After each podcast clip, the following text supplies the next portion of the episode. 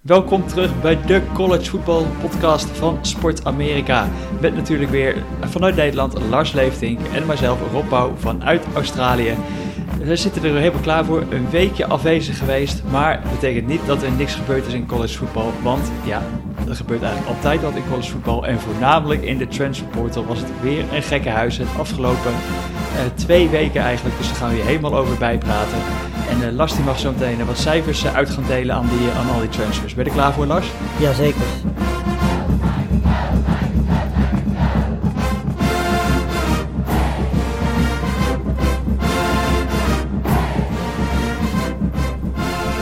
Zoals ik al zei, er gebeurt altijd wat in college voetbal. Dus in deze aflevering praten we weer door bij over alle coaches die verhuisd zijn. Want die coaching carousel die is, die komt langzaam een beetje ten einde. De Heisman Trophy is uitgereikt. De Early Signing Day is geweest. Wat betekent dat de high school recruits officieel mochten tekenen bij de colleges. En er zijn natuurlijk ook al wat bowlgames geweest. Daar gaan we nog even bij stilstaan. En kijken we alvast vooruit op de komende bowlgames die de komende week op het programma staan. Uh, Lars, Waar wil je beginnen? ja, nou, laten we, bij, laten we de, de quarterbacks in de transfer portal heel even laten wachten. De transfer portal. Laten we beginnen bij de coaching moves. Want volgens mij, wij waren, uh, denk ik, vrij... Nou, vlak daarna dat wij klaar waren met opnemen... kwamen eigenlijk al de laatste uh, coaching carousel updates. Uh, Dan Lanning, de nieuwe coach van, head coach van Oregon. Vanaf, de, hij was de defensive coordinator bij Georgia. Ja. Een goede hire voor de Ducks? De, nou ja, goed, weet je, volgens mij heeft Dan Lanning wel laten zien dat hij wel wat met, uh, met verdedigend talent kan laten zien. Vraag is natuurlijk wat hij, wat hij dan aanvallend kan brengen. Dat is natuurlijk altijd, als je, als je een defensive coordinator bent, de grote vraag. Um, maar goed, volgens mij is Oregon sowieso wel een, een universiteit die graag uh, de focus heeft op, op defense. Dat hebben we de afgelopen jaren denk ik wel gezien als je kijkt wat voor zijn talent ze, in, huis hebben. Dus wat dat betreft denk ik dat Dan Lenning daar wel, wel prima bij past. En hij verdient ook een kans als, uh, als headcoach. Dus wat dat betreft uh, denk ik dat hij wel een, een, goede aanwinst is. Alleen ja, de vraag is hoe gaat hij doen in recruiting bijvoorbeeld.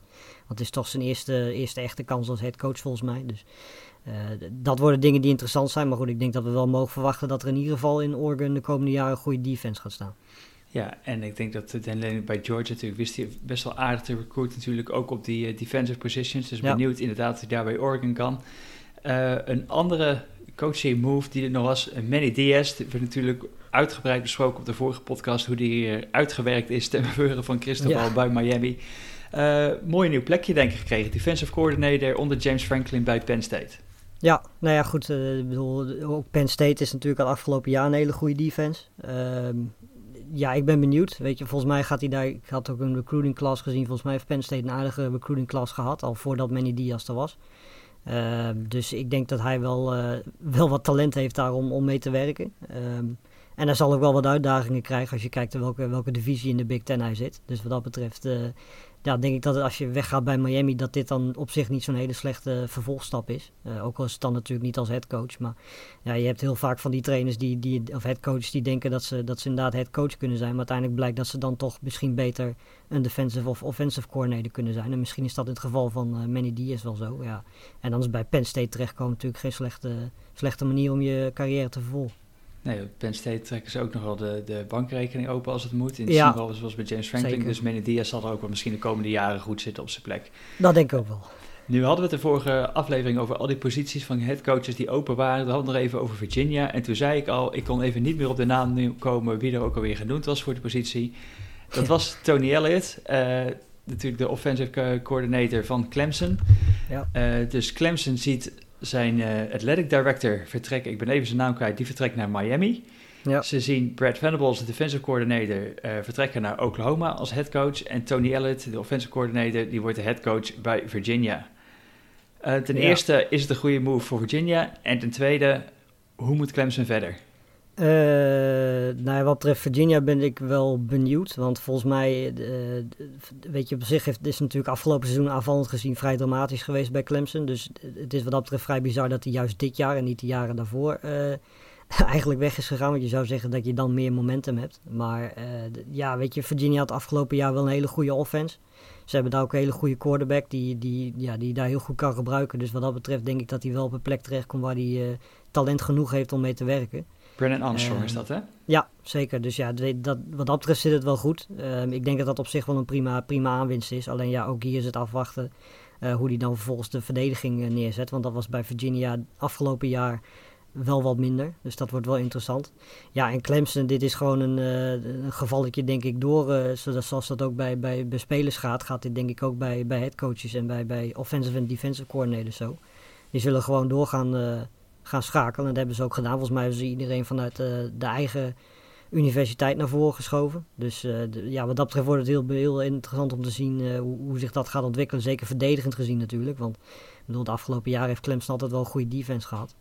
Ehm, maar goed, ja, ze hebben wel gewoon ook weer een goede recruiting class gehad. Dus wat dat betreft gaat er talent genoeg aanwezig zijn. Vraag is alleen natuurlijk wat je ermee gaat doen dan. Ja, inderdaad. Volgens mij al die defensive en offensive coaches die zijn allemaal doorgeschoven. En volgens mij zijn wat combi's zelfs op de, voor nu voor die offensive coordinator en defensive coordinator posities. Ja. Uh, dus Dabo die, die gelooft in zijn eigen programma, wat hij allemaal heeft opgebouwd. En uh, misschien zou hij, zoals hij het zelf zou zeggen, zal het wel een God's plan zijn. Uh, ja. Ehm, dus ja, maar wel interessant dus wat er gaat gebeuren bij Clemson. En ook heeft, gaat dit invloed hebben op de recruiting voor de komende jaren. Om natuurlijk een, Venables en Tony Elliott goede recruiters waren op dat vlak ook. Ja, um, ja ik, ik ben eigenlijk heel benieuwd echt wat er gaat gebeuren de komende jaren. Of het misschien dit misschien wel het einde was van de tijdperk Clemson een klein beetje. Nou ja, dit, dit kan wel een moment zijn dat het, dat het gebeurt natuurlijk. Maar goed, aan de andere kant, afgelopen jaar hebben ze een vrij teleurstellend jaar gehad. En zijn ze nog steeds, wat was het, 9 om 3, 10 om 3 geëindigd. Dus, uh, En je ziet ook aan de recruiting dat het wat dat betreft gewoon doorzet. Dat het niet zo is dat Clemson in één keer wegzakt. Dus, uh, maar goed, ja, als je na dit jaar bijvoorbeeld komend seizoen weer een vrij matig seizoen hebt, dan gaat het natuurlijk ook op de recruiting uh, meetellen. Ja, uh, het woord recruiting valt heel vaak in onze podcast en gaan we het zo meteen ook zeker uitgebreid over hebben. Ik wil nog heel even stilstaan bij misschien wel heel groot nieuws. Uh, nou ja, groot nieuws wat we eigenlijk al aan zagen komen, wat wel groot voetbalnieuws was natuurlijk. Bryce Young, de eerste Alabama quarterback die de Heisman Trophy wint. Niet, niet ja. uh, verrassend, we zagen het al aankomen, maar toch. Nee, ja, meer dan terecht ook. Weet je, bedoel, de, vooral de laatste twee weken, weet je, het was redelijk gelijk opgaan met Stroud natuurlijk uh, op zich, tot en met de laatste twee weken. En uh, ja, die laatste dwarf tegen Auburn en daarna die wedstrijd tegen Georgia heeft uh, Bryce Young volgens mij die, die Heisman Trophy wel binnengehaald.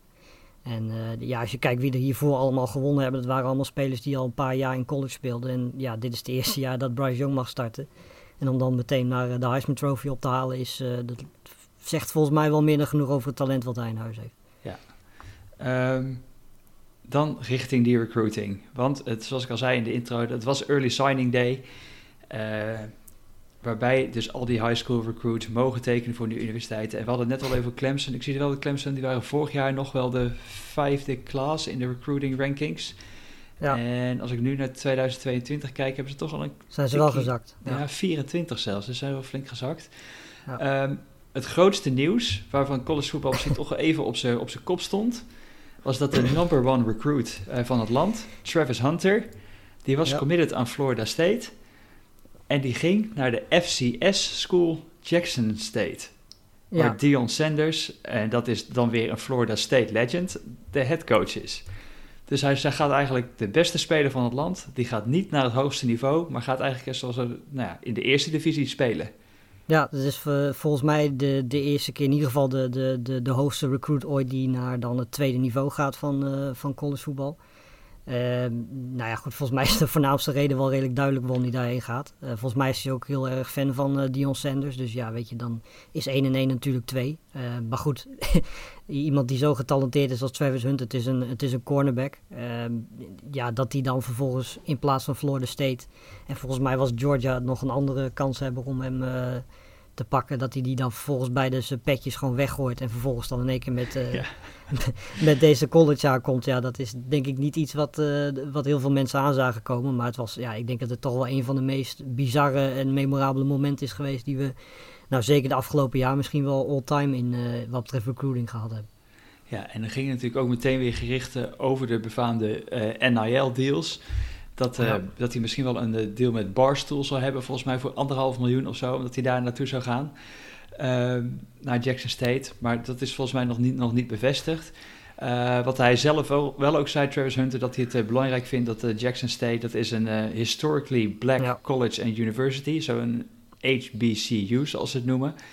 Ehm, veel spelers tegenwoordig, jonge spelers, die noemen zo'n universiteit wel als een optie, vooral ook als een om een social statement te maken. Maar Travis Hunt is nu toch eigenlijk wel met zo'n grote naam eigenlijk degene die echt het grootste statement natuurlijk maakt om ook daadwerkelijk naar zo'n universiteit te gaan. Ja, nou ja, goed, weet je, het ding is natuurlijk altijd met dit soort dingen dat je uh, veel minder in, in beeld bent dan al die andere spelers die voor grote colleges zoals de SEC en zo kiezen. Ehm, dat, dat is de voornaamste reden waarom al die spelers uiteindelijk niet uh, voor dit soort universiteiten kiezen. Uh, maar goed, Travis Hunter heeft het wel gedaan. En je moet natuurlijk altijd maar afwachten hoe lang hij daar blijft. kan zijn dat hij één na één en twee jaar denkt van nou, ik Ja, ga toch transferen. zeggen. Ehm, eh, dat dit dan zogenaamd voor, zowel voor zijn Neil deal als, eh, als, als persoon zijn een goede, goede deal is. Dat hij dan na 1, 2 jaar denkt van nou ik ga hier weer weg. Ehm, maar goed, inderdaad, het is, ja, het is iets wat we niet heel vaak zeg maar gewoon gerust nooit gezien hebben. Zeker van iemand die, die ja, als nummer 1 recruit op de lijst staat. En dat is natuurlijk wat jij inderdaad ook zegt. Dat is iets wat steeds meer, nu nog, nog meer meespeelt dan anders in recruiting.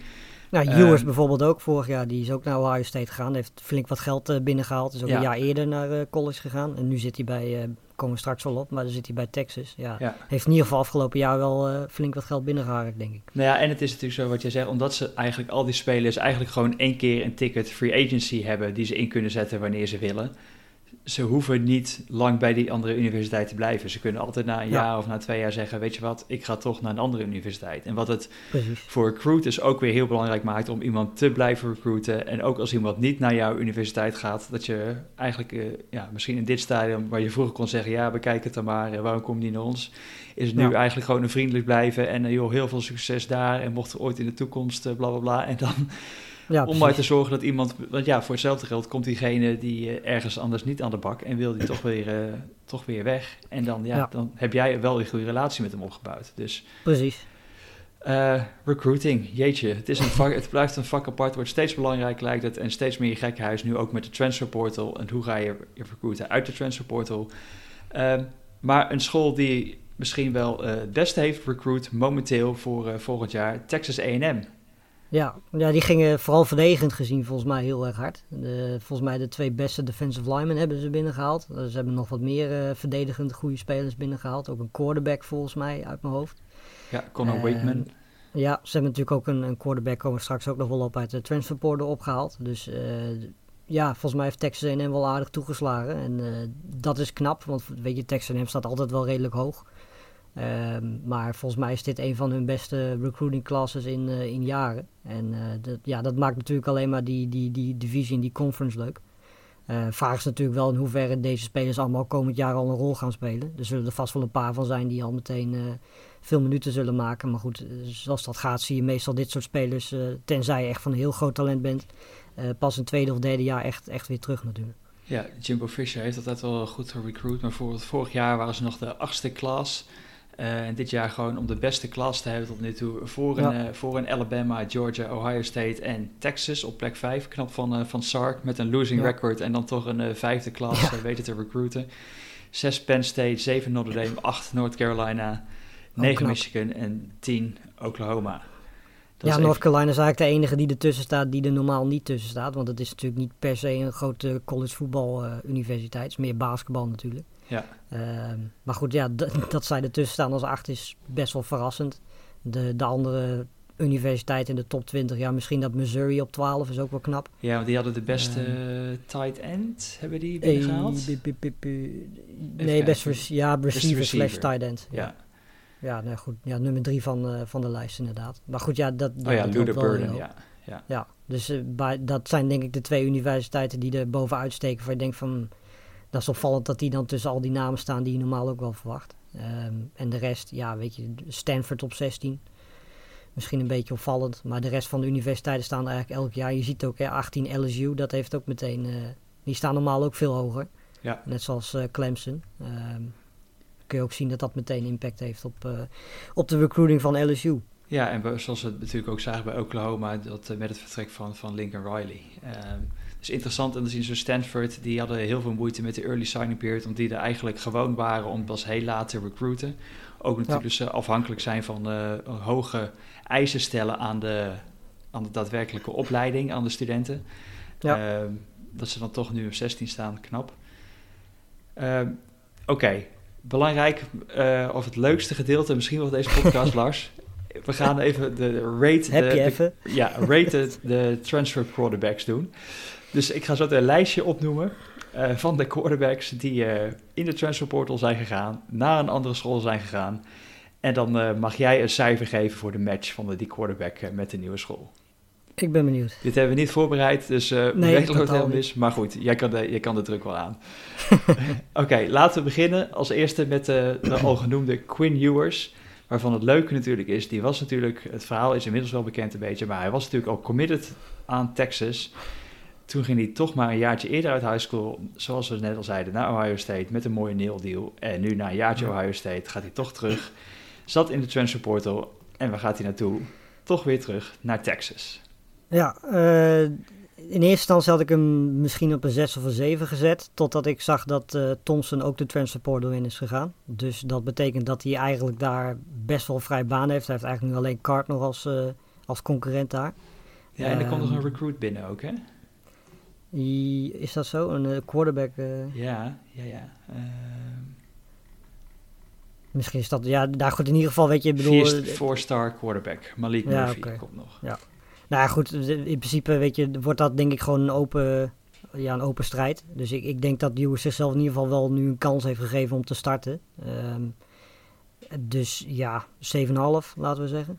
7,5. Weet je, talent wat hij om zich heen zal hebben, zal in ieder geval genoeg zijn voor hem om, uh, om daarheen te gaan. Ja, en dan is de vraag natuurlijk of hij die, uh, die quarterback 1 positie kan, uh, kan pakken. En natuurlijk vanuit high school, toen hij vanuit high school kwam, was Quinn Ewers eigenlijk wel echt de man. Hè? Die had echt bijna de perfecte ja, het is eigenlijk een beetje de, dezelfde situatie als dat hij vorig jaar bij Ohio State zat. Want toen was het open, open, open sollicitatie in principe tussen een stuk of drie quarterbacks. En dat won Stroud toen.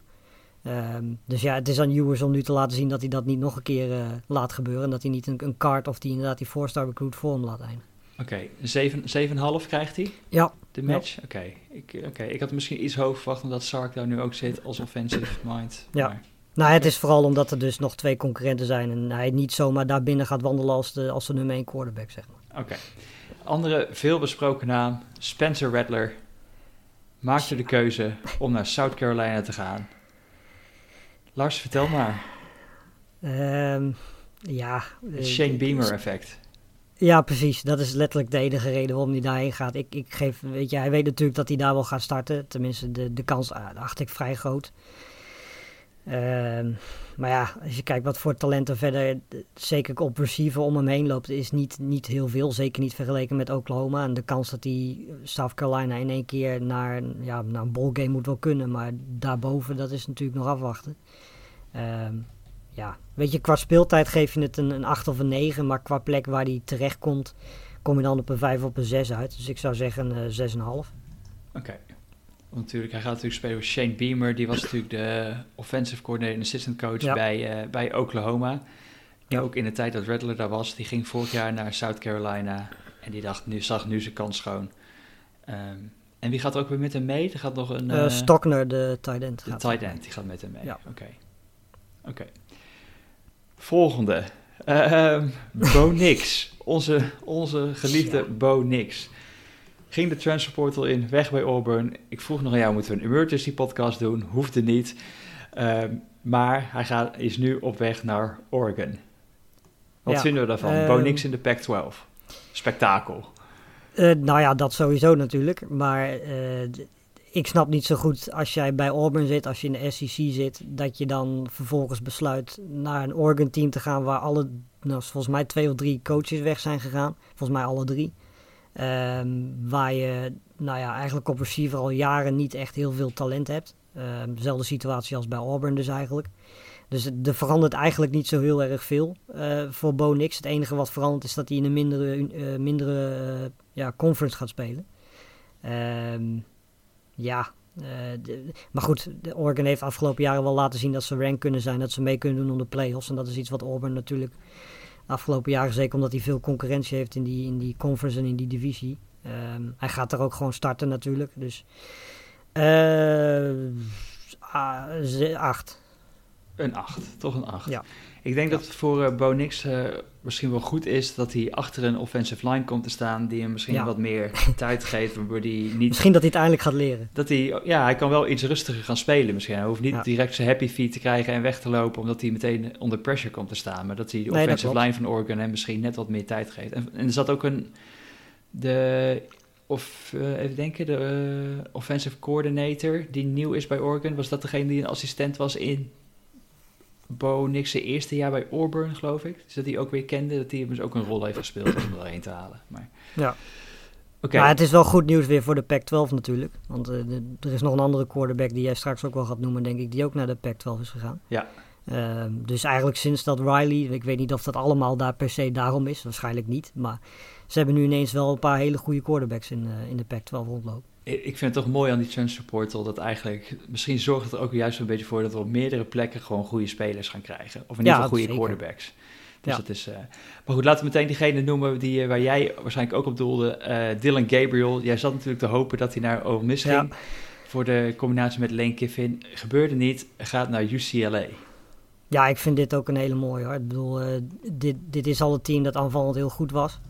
Um, het enige wat misschien een beetje raar is natuurlijk dat Thompson Robinson daar nog loopt. Um, dus dat wordt interessant om te zien. Weet je, ik bedoel, Dylan Gabriel gaat natuurlijk niet naar UCLA om op de bank te zitten. Um, maar ik heb wel het idee dat hij die, die, die strijd eerst nog maar eens moet winnen. Normaal gesproken met zijn talent moet dat gewoon kunnen.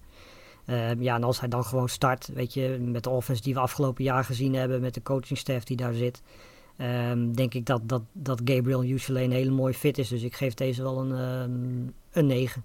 Een 9 zelfs. Een 9. Ik ben benieuwd of die nog uh, overtroffen gaat worden. Ik, ik denk het niet. Heel lastig, denk ik. Oké. Okay. Uh, Dorian Thompson Robinson, die volgens mij de ballgame ook nog afwacht. om daarna pas te beslissen of hij naar de draft gaat of niet. Ja. Of dat hij toch nog dat extra jaartje eligibility waar hij recht op heeft. Of de transfer uh, portal. Gaat, gaat pakken. dus ik ben benieuwd. Ja. Oké. Okay. nou, laten we even in die Pac-12 blijven. Iets mindere naam, maar toch. Michael Penix Jr. van Indiana ja. naar Washington. Ja, volgens mij was het daarvoor een andere quarterback die er misschien heen ging. Was dat, was dat? Of, nee, dat was, Jake Hayner. Ja. Maar die blijft toch bij, uh, bij Fresno State. Omdat het misschien lastig zou worden als die terug zou transferen naar waar hij weggetransferd is. Of dat er iets misschien ja, toch okay. iets een haakje in het oog was dat dat niet door kon gaan. Dus blijft hij toch maar bij Fresno State.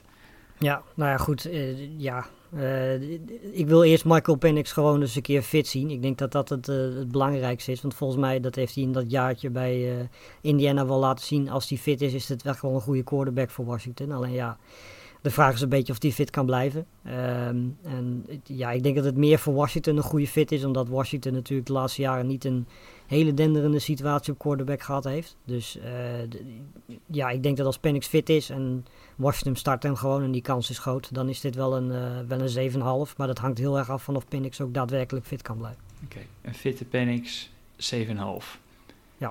Oké, okay, uh, Jack Heenel, dus daar volgende op de lijst dat hij toch bij Fresno State bleef en niet achter ja. uh, zijn coach Kalen de Boer aangaat. Uh, volgende. Laten we doorgaan. Ja, Ik ben benieuwd of je ze allemaal noemt. Nou, oké, okay, laten we, laten we, deze heb jij ook al gerefereerd. Max Johnson ja. van LSU. Die gaat naar uh, Texas A&M. Ja. En misschien is het wel gewoon het meeste dat hij zijn broer, broertje volgt. Die uh, dat de beste tight end recruit was. En die naar Texas ja. A&M gaat. Want ja, ja, Heeft, hij, heeft Mac Johnson verder iets te zoeken bij Texas A&M... waar een Haynes King al was. En ook dus een 5-star in Conor Wakeman. Uh, dat is inderdaad wel een, uh, wel een goede vraag. Het enige voordeel is natuurlijk wel, misschien is dat ook wel de reden dat hij weggegaan is. Calzada, die is ook de transfer portal ingegaan natuurlijk. Uh, misschien wel juist vanwege die reden. Ehm, ja, weet je, als je het zo opnoemt, was het dan misschien een betere optie geweest om bij LSU te blijven, weet ik niet. Maar aan de andere kant, als je ziet wat Texas A&M weer qua recruiting heeft gehad. Als je kijkt dat er qua wapens daar rondlopen. als Johnson daar inderdaad de eerste quarterback kan zijn we hebben het volgens mij de afgelopen jaren al gezegd. Texas A&M miste eigenlijk afgelopen jaar een quarterback om uh, misschien wel de playoffs te halen. Want de rest van het team zat gewoon heel goed in elkaar. Zeker verdedigend gezien. Uh, maar ook qua wapens. Um, offensive line is natuurlijk altijd goed bij Texas A&M. Dat zal volgend jaar niet anders zijn. Gaan wel wat mensen van weg. Maar uh, meestal vangen ze dat wel goed op. Um, dus ja, uh, laten we een 8 zeggen. Um, en als hij niet start, ja, dan heeft hij duidelijk de verkeerde keuze gemaakt natuurlijk. Maar ik, ik verwacht eerlijk gezegd wel dat hij, dat hij de starter gaat zijn. Ik denk dat hij daar iets te veel talent voor heeft en ook iets te veel voor bij LSU heeft laten zien wat hij kan. Oké, okay, een 8 geef jij toch? Ja. Oké.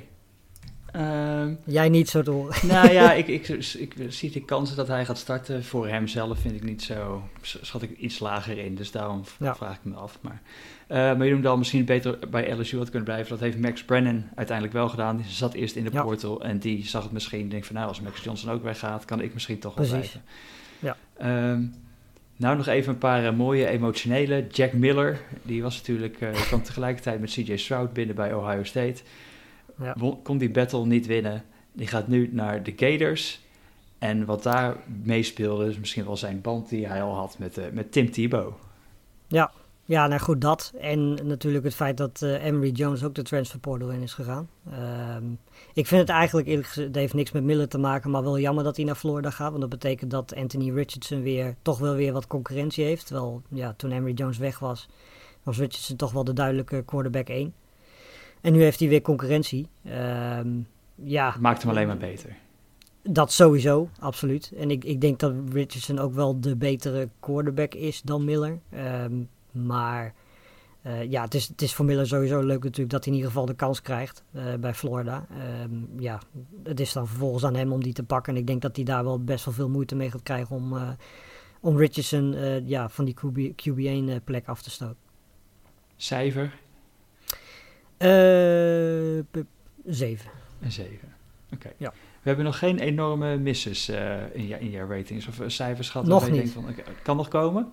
Eh, dat kan nog komen, ja. Komt dat bij eh, Adrian Martinez, die naar Kansas State gaat? Ehm eh, nou ja, ja, misschien wel inderdaad. Eh weet je, hij gaat daar wel gewoon starten natuurlijk. Dat zeg ik trouwens wel. Maar volgens mij, Thompson blijft nog daar. Ja, volgend jaar, als ik het goed heb. Dus die heeft, als Thompson daar blijft, die is natuurlijk de laatste jaren daar quarterback. Als hij daar blijft, heeft hij natuurlijk meteen een grote concurrent erbij. Ehm, ja, verder. eh, het is denk ik een betere stap dan bij Nebraska spelen. Want Kansas State heeft wel wat meer talent. Dat komt vooral dankzij Vaughn natuurlijk. Ehm, maar ja, als, als, als ik nou bij Nebraska wegga, dan zou Kansas State niet per se mijn, mijn eerste keuze zijn in ieder geval. Ehm, ik had Martinez graag ergens anders gezien. Eh, bij een van die universiteiten die we net noemden bijvoorbeeld. Maar ehm, ja, eh, zesje. Een zesje. Oké. Ja, ik word hier niet heel erg enthousiast van. Lars, zal ik jou vertellen waarom het gewoon een, eigenlijk gewoon een 9 moet zijn? Nou, Die jongen die gaat gewoon naar de universiteit waar zijn vriendinnetje ook zit.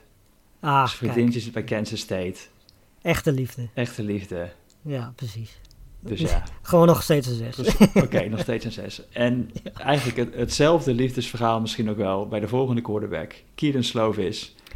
Zijn vriendin die voetbalt eh, bij Pitt. Dus wat dacht Ja. Kieran Slovis? Kenny Pickett gaat daar weg. Weet je wat? Ik ga naar, van USC naar Pitt, waar ook mijn vriendinnetje is. Ja, precies. Nou ja, goed. eh, eh, Ik vind deze dan naast het liefdesverhaal sportief gezien ook nog wel redelijk logisch. Want eh, bedoel, bij UC was er natuurlijk niet zoveel meer te redden.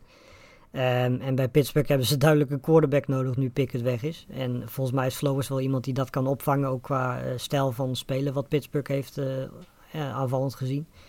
Ehm, ja, weet je, en dat Slovers talent heeft mag duidelijk zijn. Het moet er alleen ergens uitkomen. En de vraag is of dat bij Pittsburgh gaat gebeuren. En dat hangt er ook een beetje vanaf of eh, al die wapens waar Pickett mee, eh, mee speelde ook nog blijven.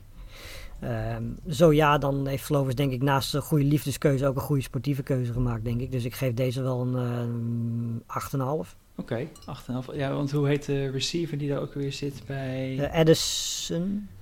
Want zeg die, welke award had hij ook alweer gewonnen? Ehm, Ja, dat was een van de meest productieve receivers van, eh, van afgelopen seizoen. ja, Mede ook door Pickett natuurlijk. Maar ja, als die blijft en, volgens mij Wicks zit daarachter ook nog een goede receiver. Als die blijven, ja, dan heeft Slovers natuurlijk wel een paar leuke wapens daar rondlopen. het kan misschien toch leuk worden, toch weer in die ACC met een iets minder recruiting class voor Clemson. Eh, Ja. Miami dat misschien aankomt met Cristobal. Florida State wat iets beter begint te draaien onder Norvel.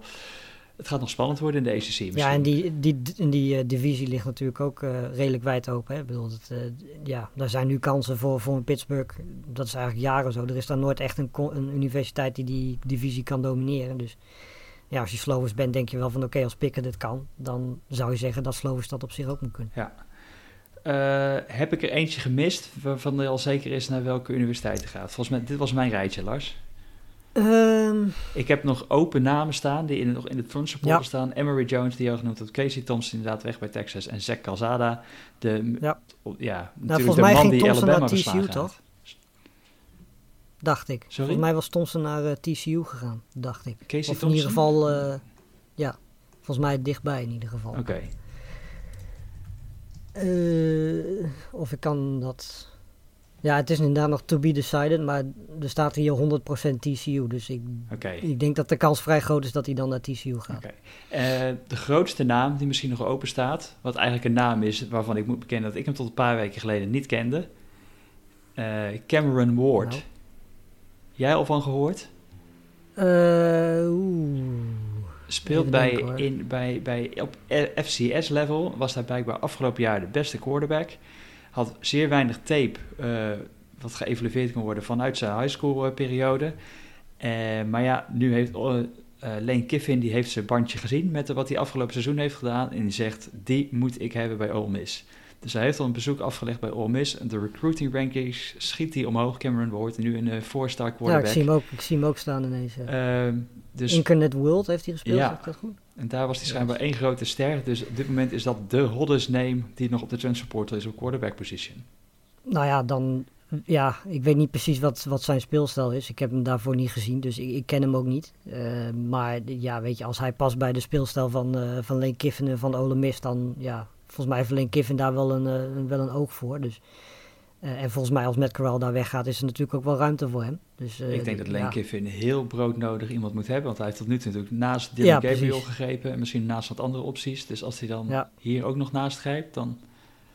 Ja, nou ja, goed, inderdaad. ik weet eigenlijk niet eens wie daar nu dan de vervanger van Corral zou zijn. Als, eh want Corral gaat natuurlijk de draft in. Dus ik weet eigenlijk niet eens wie daar nu de quarterback is. Dus ik denk dat een Cameron Ward dan, als die inderdaad zo goed is en inderdaad eh, terecht zo hoog staat, dan ja, zou ik niet weten waarom Ole Miss die gok niet zou nemen. Want de rest van de opties zijn wel weg inmiddels. Ja, dus we gaan eh, in de gaten houden waar dus eh, deze nieuwe link Cameron wordt. Onthoud dus die naam. Eh nou, toe Ja. gaat of hij inderdaad naar Ole gaat. Oké, dat waren even de quarterbacks. Natuurlijk veel te veel om alle andere spelers op te noemen die ook uit de transfer portal eh, zijn gegaan en zijn getransfereerd. Twee wil ik er heel even uitlichten, want Alabama die haalt gewoon Eli Ricks binnen, die LSU Ja. cornerback, misschien wel de beste speler ongeveer in de portal. En nu ook Jameer Gibbs, de running back van Georgia Tech. Twee Ja, enorme dat, eh, studs die ze daar even binnenhalen via de portal. Ja, nou ja, goed. Ja, zeker, zeker, weet je, ik bedoel, Ricks is natuurlijk een fantastische cornerback. En het feit dat hij bij LSU weggaat zegt ook wel aardig wat, denk ik, over LSU. Ehm, ja, en Gibbs is gewoon een hele goede, goede running back. Zeker als, eh, in combinatie met een, eh, met een Robinson als die blijft. Eh, want die kan natuurlijk ook de draft ingaan. Maar ja, als die twee met z'n tweeën volgend jaar de, de backroll zijn van, eh, van Alabama. Je hebt daar ook nog Bryce Young staan. Dan, eh, ja, dan wordt het heel moeilijk om Alabama. Dat is al heel moeilijk. Maar dan wordt het volgend jaar nog moeilijker om Alabama te stoppen. Oké, schrijven we alvast met potlood Alabama voor volgend jaar. Terwijl dit seizoen nog niet eens is afgelopen. Want dit seizoen is gewoon nog bezig, dus laten we snel een bruggetje maken naar de bowlgames. Eh er zijn natuurlijk al een paar bowlgames, al heel wat bowlgames geweest. Nou zag ik vannacht nog dat Wyoming de Potato Bowl heeft gewonnen en dat de coach Op een in plaats vreselijk lelijk veld. ja, en dat de coach in plaats van eh, Gatorade over zich heen kreeg, kreeg hij eh, French fries, kreeg hij een hele ton Ja, patat, kreeg hij gewoon over zich heen gekieperd uit de Potato Bowl. Ja, je zag ze überhaupt amper. Want dat veld, dat is, dat is het veld van Boise State was dat geloof ik. Dat is eh, ja, waarschijnlijk het lelijkste, lelijkste college voetbalveld. Überhaupt het lelijkste veld wat, wat, waar je ja, Amerika voetbal op kan spelen. Dus eh, ja, wat dat betreft paste het ook wel een beetje bij dat er dan wat anders uit die Gatorade eh, komt dan water of, of drank. Dus ja, nou goed, verder de, was het niet zo'n hele boeiende wedstrijd. Ik denk dat dat meteen ook het hoogtepunt was van, eh, van die wedstrijd. Wat dat betreft. Eh, zijn er al wel wat andere hoogtepunten geweest? Ik zag dat BYU heeft een, eh, heeft een nederlaag geleden in de bowlgame. Ja. Ehm, ja, die hebben natuurlijk ook weer te maken overal van die spelers die misschien toch opt-out, die wil, niemand wil geblesseerd raken in zo'n bowlgame. Eh, Heeft er afgelopen week nog iets uitgesprongen voor jou? Of zeg je van, nou, we het overslaan en even vooruitkijken wat de komende week op programma staat? Ehm, ja, de enige we- naast die nederlaag van BYU wat we wel moeten noemen is, eh is Zappi van Western Kentucky, de, de quarterback. Ehm, die records heeft neergezet voor eh, passing yards in een seizoen en touchdowns in een seizoen. Ja. Wat meehelpt is dat hij natuurlijk in een ja, offense zit waar heel erg veel gepaast wordt. Hij is ook met afstand volgens mij de leider in, in yards en de leider, leider in attempts en zo. Uh, volgens mij de enige die in de buurt komt is Rodgers van Mississippi State. Nou, dat is precies zo'n offense. Uh, dus dat helpt wel. Ja, precies. Dus, uh, maar ja, dan nog is dat wat Seppi dit jaar heeft laten zien, terwijl we het eigenlijk niet over hem gehad hebben tot, tot deze wedstrijd. Um, is denk ik wel heel erg knap en verdient wel iets meer aandacht dan dat we dat dit seizoen denk ik gegeven hebben. Dus bij deze. Seppi, well done, zouden we zeggen. Precies. 60 touchdowns volgens mij nu gegooid. 62. 62 nu. Oh ja, want er ging natuurlijk over Burrow ja. had er 60 en er ging er over twee over Burrow heen. Ja. Uh, benieuwd of die, wat daar nog, misschien komt er wel een keer een transfer aan of uh, wat er met de Seppi gaat gebeuren. Ja. Um, Oké, okay, laten we dan snel vooruitkijken wat er de komende week op het programma staat. Uh, ons plan is om er volgende week te zijn met de voorbeschouwing op de New, York, New Year's Six Bowls. Maar tot die tijd er nog wel wat een uh, paar op het programma. Uh, welke wil je uitlichten, Lars? Welke is het waard om te benoemen? Um, UCF Florida vind, misschien? Ja, UCF Florida, donderdagnacht, geloof ik. Uh, volgens mij ook op ESPN. Dat zeg ik nu heel overtuigd, maar dat... Om één uur, denk ik, of niet? Ja, precies. Ja, is inderdaad op ESPN om één uur s'nachts, inderdaad.